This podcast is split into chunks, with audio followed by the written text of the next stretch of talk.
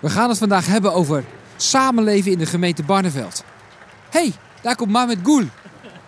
Hoe is het hier in Barneveld? Goed. Want jij bent eh, betrokken bij de Turkse gemeenschap, hè? Ja, dat klopt. We- is er een grote Turkse gemeenschap in Barneveld? Eh, best een redelijke eh, gemeenschap hier.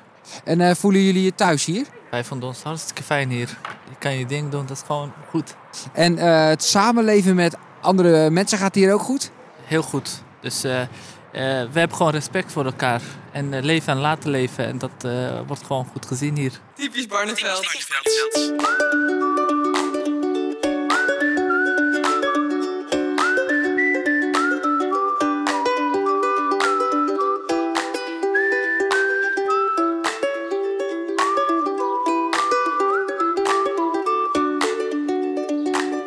Er zijn in onze gemeente Barneveld veel plekken om elkaar te ontmoeten en uiting te geven aan geloof of levensbeschouwing. Want dat is ook typisch Barnevelds. De kippen en de kerken. Mijn naam is Jacco van der Tak en ik ben de burgemeester van de gemeente Barneveld. Vandaag ga ik in gesprek met verschillende inwoners die onze gemeente rijk is. In Barneveld is er plek voor iedereen. Ook vanuit verschillende achtergronden en levensovertuigingen. We hebben het samen met elkaar te doen. Maar hoe gaat dat eigenlijk in de praktijk? Samenleven met elkaar. En hoe verhouden die verschillende levensovertuigingen zich tot elkaar? Of welke plek neemt de kerk dan in in de samenleving? Daarover ga ik vandaag in gesprek. Het is twee uur en u hoort het. De klok slaat bij de grote kerk in Barneveld. En daar hoop ik dominee van Rumt uit Voorthuizen te ontmoeten en Leanne van der Hoef, jeugdwerker bij de hervormde gemeente.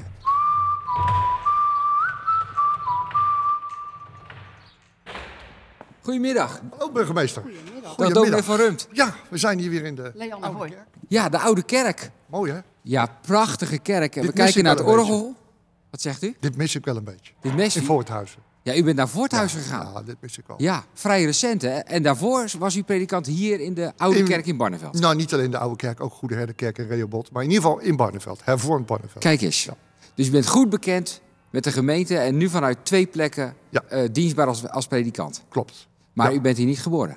Eh, nee, zeker niet. Eh, het is misschien een beetje te horen aan mijn tongval. Maar ik kom uit Den Haag. Den Haag. Ja, een Kijk eens. Ja.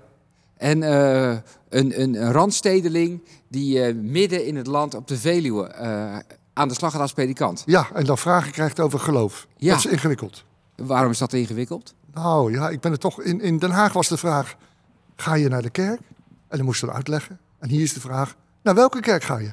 Ja, als je op, in de Barnevatse krant op vrijdag kijkt eh, op, op, de, op het pagina met het aantal kerken, zijn het er ongeveer 40. Ja, We is- hebben meer oké. vakantieparken, maar aantal kerken is ook groot. Ja, aan de ene kant fijn. Hè? Dus als je hier op zondag door het dorp loopt, of waar je ook door het dorp loopt hier op de Veluwe, het is altijd rustig.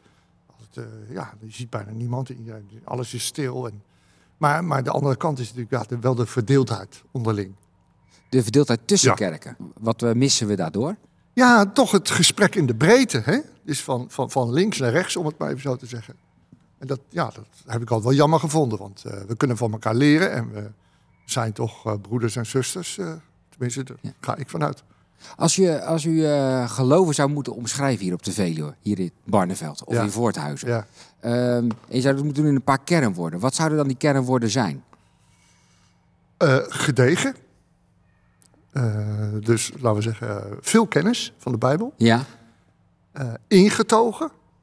Eh, als je dan de diepte in gaat, dan blijft het vaak een beetje stil. Wilt u nog koffie, dominee? Zo, hè? Ja. Dat soort dingen. je moet wel een paar, je moet wel even doorvragen. Ja, dat geloof beetje... is iets persoonlijks. En wat je hier heel vaak tegenkomt is ook... nou, dan, laat ik het dan nog zo'n term noemen. Dat is geloofsoverdracht. Dus Mhm.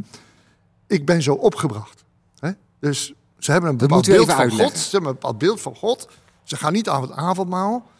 Want zo ben ik opgebracht of opgevoed. Ja. Dat werkt blijkbaar generaties door. Ja. Ja, dan moet ik dan uitleggen vanuit de Bijbel. Ja, dat het avondmaal eh, toegankelijk is. Eh, Jezus is gekomen voor zondaren. Dus ja, Zegt u daarmee eigenlijk eh, ehm, iets vergelijkbaars als, als de schrijver eh, Milan Kundera? Die zei, wat is een overtuiging? Een overtuiging dat is denken dat tot stilstand is gekomen. Zegt u eigenlijk dat denken soms een beetje stilstaat op dat punt in Barneveld? ja denk het. Ja. Mooie, mooie, mooie, mooie aanvulling. Ja. Ja. Ja. Zeg maar, u bent hier in Barneveld eh, predikant geweest. U Ja. zei al bij de hervormde gemeente, drie kerken. Ja. Eh, u bent naar de overkant van het spoor gegaan. Ja. Dat is hier een eh, gevoelig puntje. ja, zeker. Moeten we het erover hebben? Nou, wat mij betreft niet, want Oh. ik, eh, ik hecht zoveel, eh, wa- zowel aan Barneveld als Voorthuizen evenveel waarde. Ja, maar zeker. je merkt dat dat soms een, eh, een beetje een rol speelt. Ja. Ehm, vertel eens, wat zijn de verschillen tussen de twee kernen? Gisteren werd het nog gezegd tegen mij. Dit zei iemand, ja, Voorthuizen. U weet hoe ze Voorthuizen noemen in Barneveld? Ik zeg, geen idee. Nazareth. Dus Voorthuizen is het Nazareth van, ja, in de ogen van Barneveld. Van, kan daar iets goeds vandaan komen? Maar ik denk wel eens, nou Barnevelders, als ik zie wat die Voorthuizenaren daar allemaal op poten zetten, dat ligt er niet op. Bedoel, ze hebben een plan en ze zeggen, zullen we het doen? En nou, je hebt gelezen misschien de Barneveldse krant, in één avond en één nacht hadden ze een ijsbaan klaar liggen. Zeker. En is, is het, is, heeft de kerk ook een andere plaats in het dorp Voorthuizen dan in het dorp Barneveld? Ik denk het wel. Ik denk dat de kerk daar iets dichter bij de mensen staat. Maar dat komt ook omdat het dorp wat kleiner is. Activiteiten in het dorp worden soms ook verweven met de kerken. Zo'n Floralia bijvoorbeeld. Ja, dat Dan is het bloemencorso, hè? Dat is de bloemencorso, ja. Dan, eh, dan zie je ook dat de kerk daar bijvoorbeeld ook een mooi eh, eh, bloemenwerk van maakt. Van geloof, hoop en liefde Ja. of zo. Aansluiten bij, de, bij datgene wat er gebeurt. Ja. Ja. Want dat is wel een mooi bruggetje naar mijn volgende vraag over wat voor rol hebben de kerken nou hier in de samenleving? Eh want het, u, u sprak over de verdeeldheid tussen kerken, of het juist even het belang over van, ook, zeg maar, van elkaar leren en gemeenschap. Maar dat is tussen kerken. Wat is de rol van de kerk hier in de samenleving? Nou, in Voorthuis hebben we bijvoorbeeld Perron 16. Dat zeg je misschien ook wel wat. Perron 16 is een inloophuis waar mensen Ja, dus... eh, Voor een kop koffie terecht voor een kunnen. kop koffie terecht kunnen, eh, maar waar mensen uit de kerk ook klaarstaan voor een woordje. Voor eh, ja, mensen die een gesprekje nodig hebben. Blijft toch altijd ook wel een beetje veluws. Hè? Dus die, die, die verbindingen met de samenleving, dat, dat zou wat mij betreft wel meer kunnen. Ja? Ja, ja. Want waarom is dat belangrijk? Want ik bedoel, Omdat de eh, kerk een hele belangrijke functie heeft in de, in de samenleving. Ik bedoel, waar anders hoor je nog eh, verhalen over hoop. En, en, en, en eh, overal waar je komt, het nieuws is allemaal negatief. En hier Ja. hoor je positief nieuws. En, en dan denk ik, nou, kunnen we dat niet wat meer verbinden met elkaar? Want er lopen zat mensen met een ziel onder hun arm. Ja, Ook in Ook hier. Voorthuizen, in Barneveld.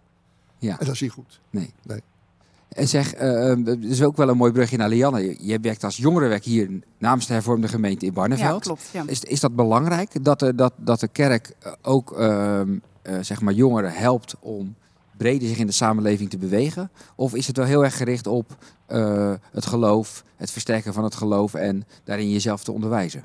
Ja, we hebben een soort van, eh, ik zit zelf in de jeugdbeleidsraad en daar verlangen we dat ze ook discipel worden. Dus dat ze ook uitgaan, zeg maar, de wereld ingaan. En Mhm. wat denk ik Hans net terecht zegt, is dat ja, het wel het gevaar is dat we erg gaan uh, kalkonnen natuurlijk. Het is wel lekker veilig dat we, we doen mooie dingen in onze eigen gemeente, maar wie zijn we eigenlijk in deze wereld?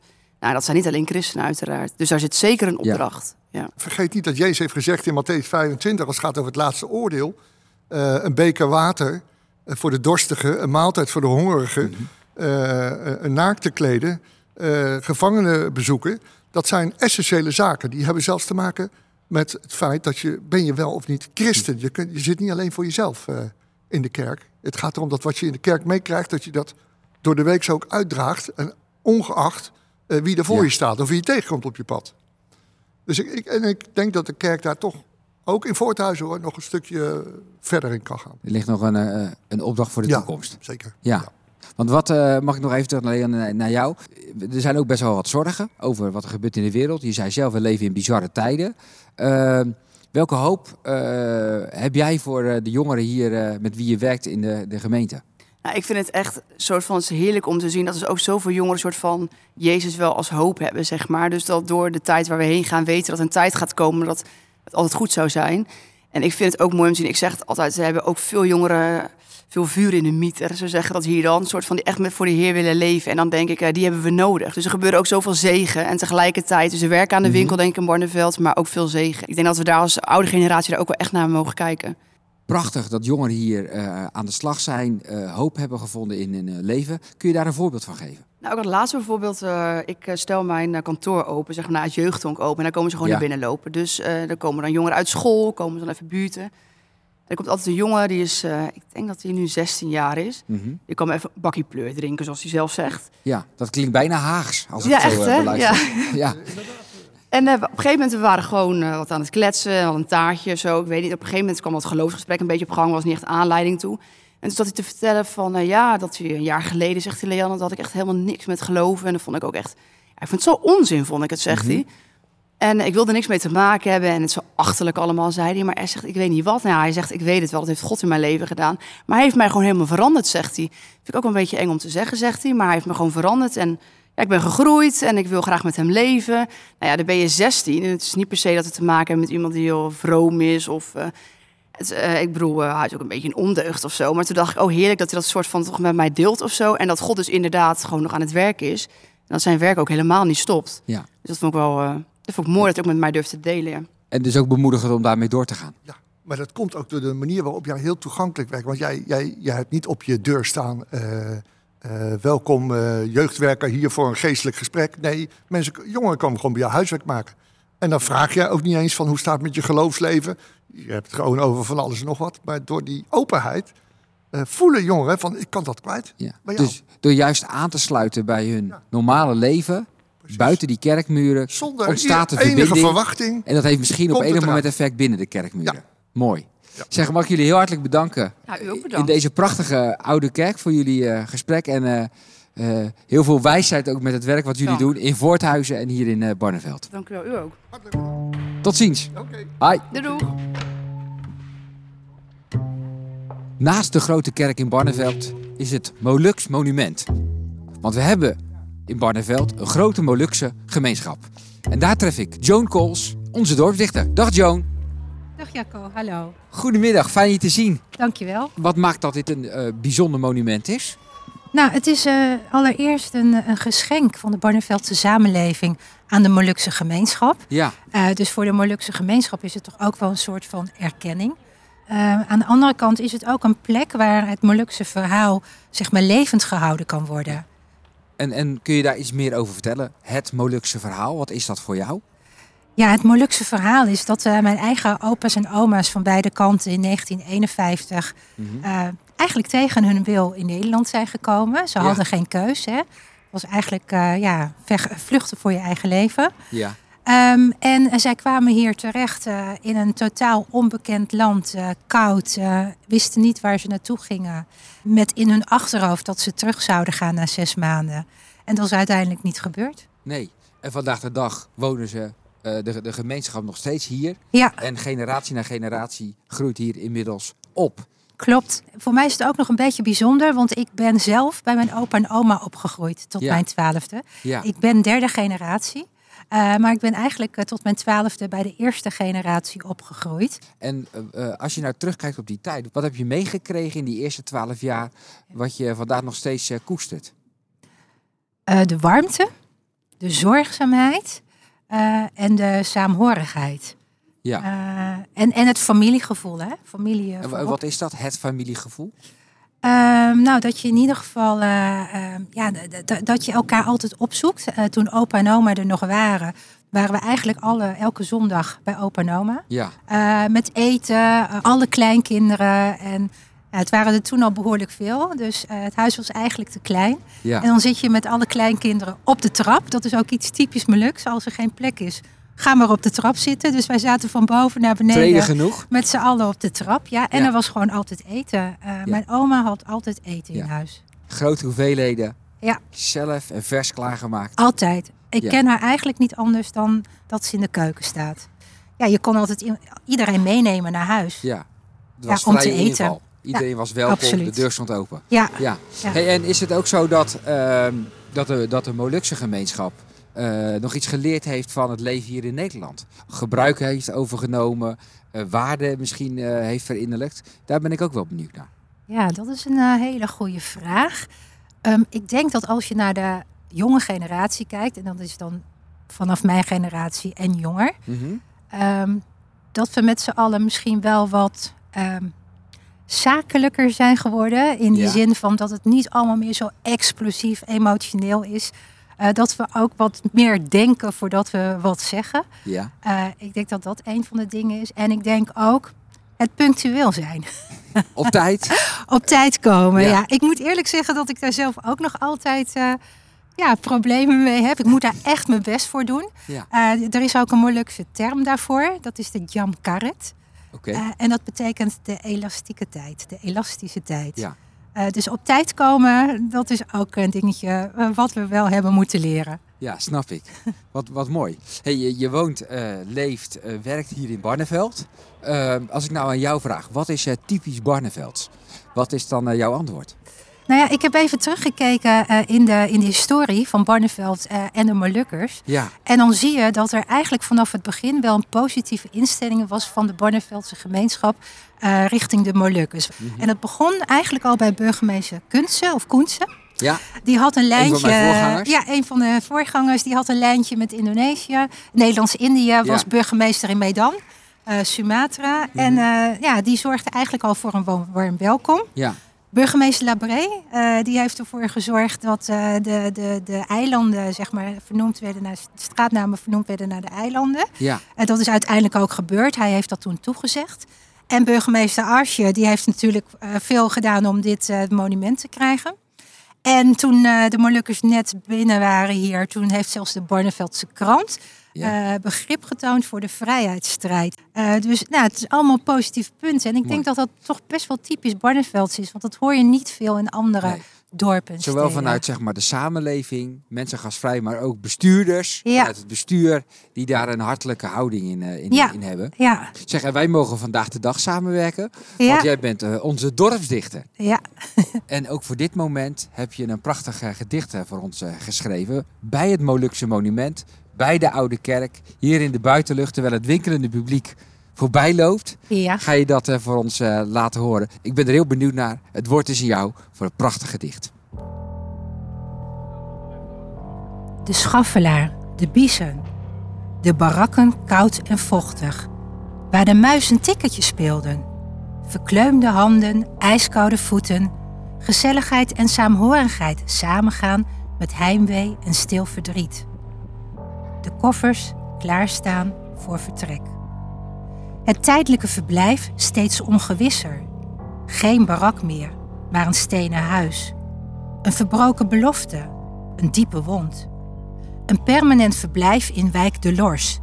Een eigen kerkgebouw waar de stemmen van Nada Nirwana een prachtig kerkkoor vormen. De Columbusstraat. Berusting. De toekomst is hier. Volledig opgenomen in het dorp leeft de Molukse traditie voort. Bewoners van Rumamaluk kijken om naar elkaar. Danseressen van Nusaina volgen de maat van de Tifa. Barneveldse Molukkers, Molukse Barnevelders. Barnevelders met een Moluks hart waarin het vurige verlangen van de eerste generatie mag blijven branden, zodat de herinnering leeft.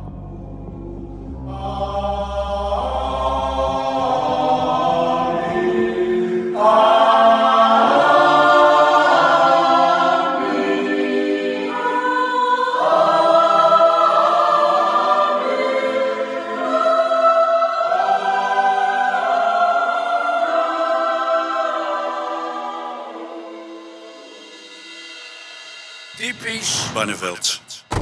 Van de Oude Kerk in Barneveld Centrum zijn we inmiddels aangekomen in De Glint. Een van de negen dorpen in de gemeente Barneveld. De Glint staat bekend om de pleegzorg, het opvoeden en zorg dragen voor jonge mensen. Dat gebeurt hier al jaren achter elkaar. Maar ook om zijn agrarisch karakter. Met veel boeren die met allerlei bedrijven hier aan het ondernemen zijn. Een prachtig landelijk gelegen dorp. Een dorp dat ook gasvrij is. Want een van de gemeentelijke opvanglocaties voor Oekraïners is hier in De Glint, in het voormalige YMCA-gebouw. En daar ga ik in gesprek met Oekraïnse jongeren. Hoe gaat het hen? Wat drijft hen? Wat valt er op? En wat is volgens hen typisch Barnevelds? Hallo, goedemiddag.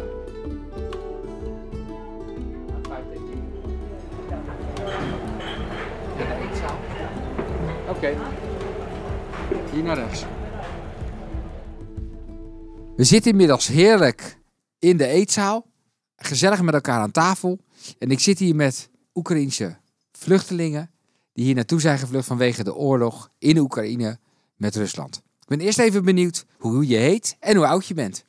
Ik ben Eva en, en oud ben ik acht. Ik ben Arseni. eh ik uh, negen, ooit tien jaar. Tien jaar. Ik ben Vika, ik ben 14 jaar.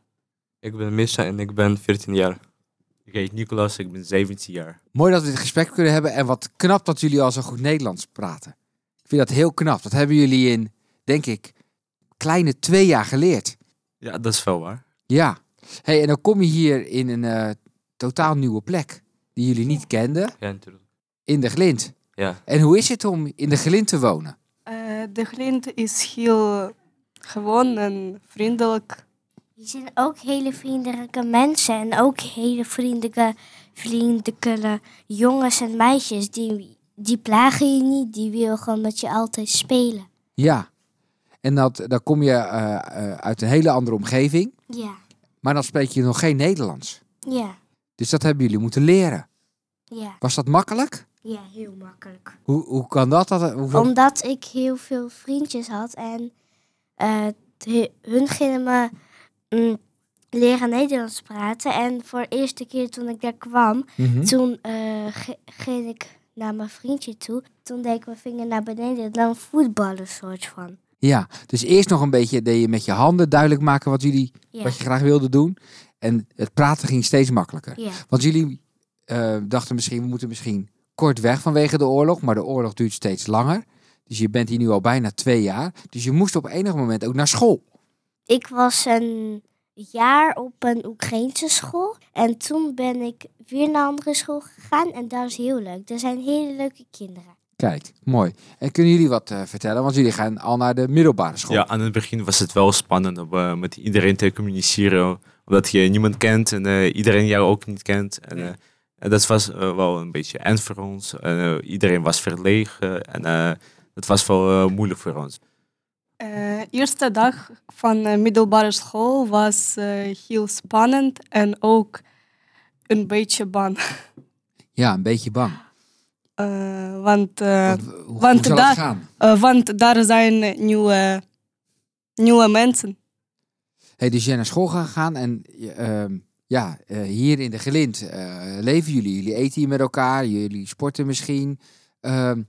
Kun je nog meer iets vertellen over de Glint? Wat vind je zo leuk aan dit dorp?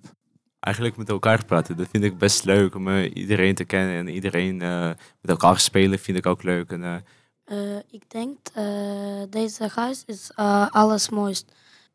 Mm -hmm. Dit huis is very leuk. Ja, dit huis is erg fijn. Ja, ja mooi. Fijn dat dat zo, zo goed, goed gaat.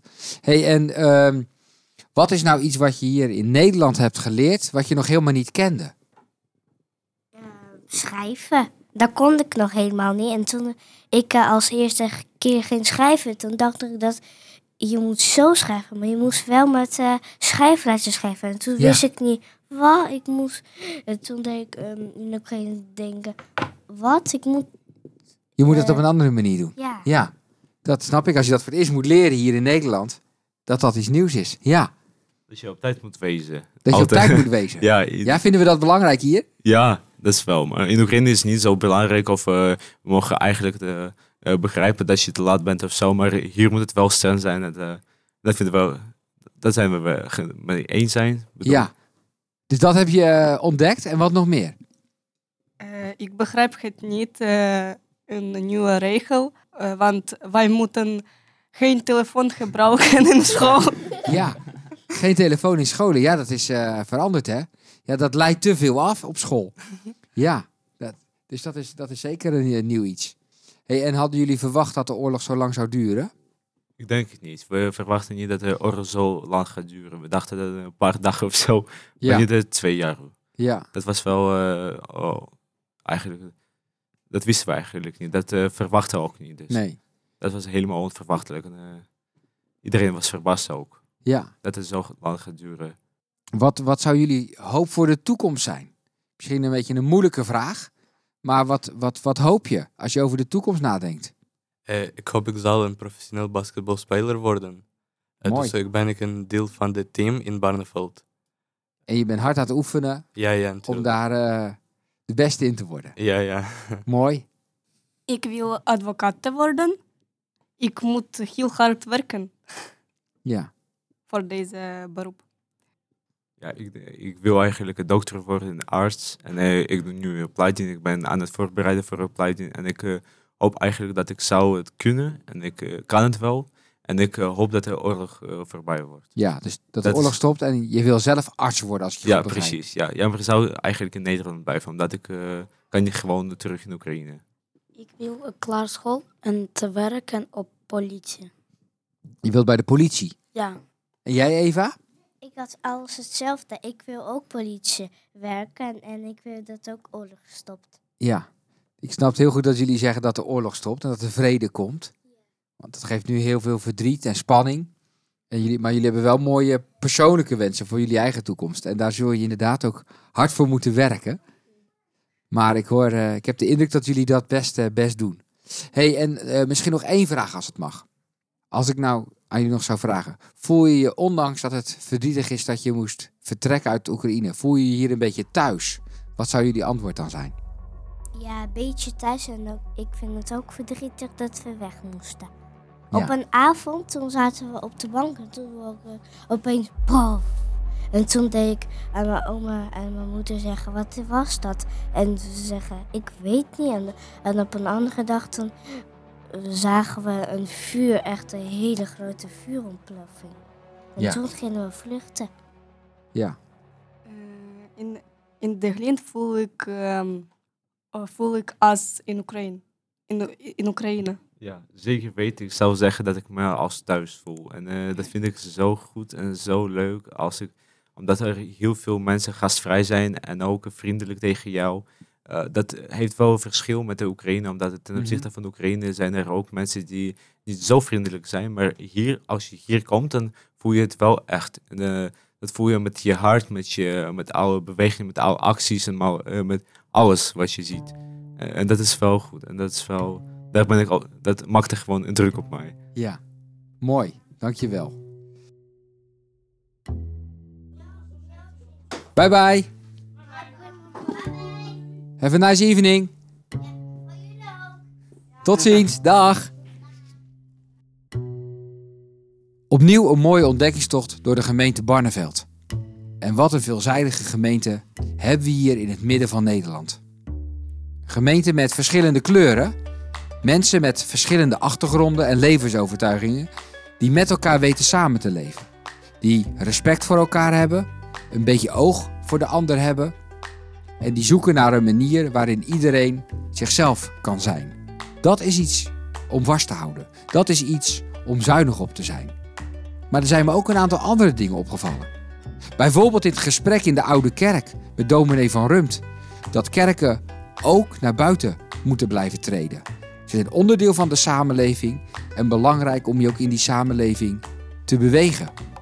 Dat leidt tot nieuwe perspectieven, tot verbinding in de hele samenleving. Ook viel me op dat we een gasvrije gemeente zijn. Denk bijvoorbeeld aan de Molukse gemeenschap. Mensen voelen zich hier thuis. En dat geldt ook voor de vluchtelingen uit Oekraïne. Wat een verhalen van jonge mensen die op de vlucht moesten gaan. Maar ze zijn hier goed ontvangen en ze voelen zich hier, ondanks het verdriet over thuis, een beetje thuis. In dat alles is één woord wat bij is gebleven. Laten we een beetje vriendelijk voor elkaar zijn. Zoals een meisje van 9 jaar uit Oekraïne mij leerde. Ik word vriendelijk bejegend. Men wil gewoon een potje voetballen met me hier in de Glint. Is dat niet iets om hoop uit te putten? Volgende keer ga ik opnieuw op zoek naar wat typisch Barneveld is in de podcastserie Typisch Barnevelds. Typisch Barnevelds.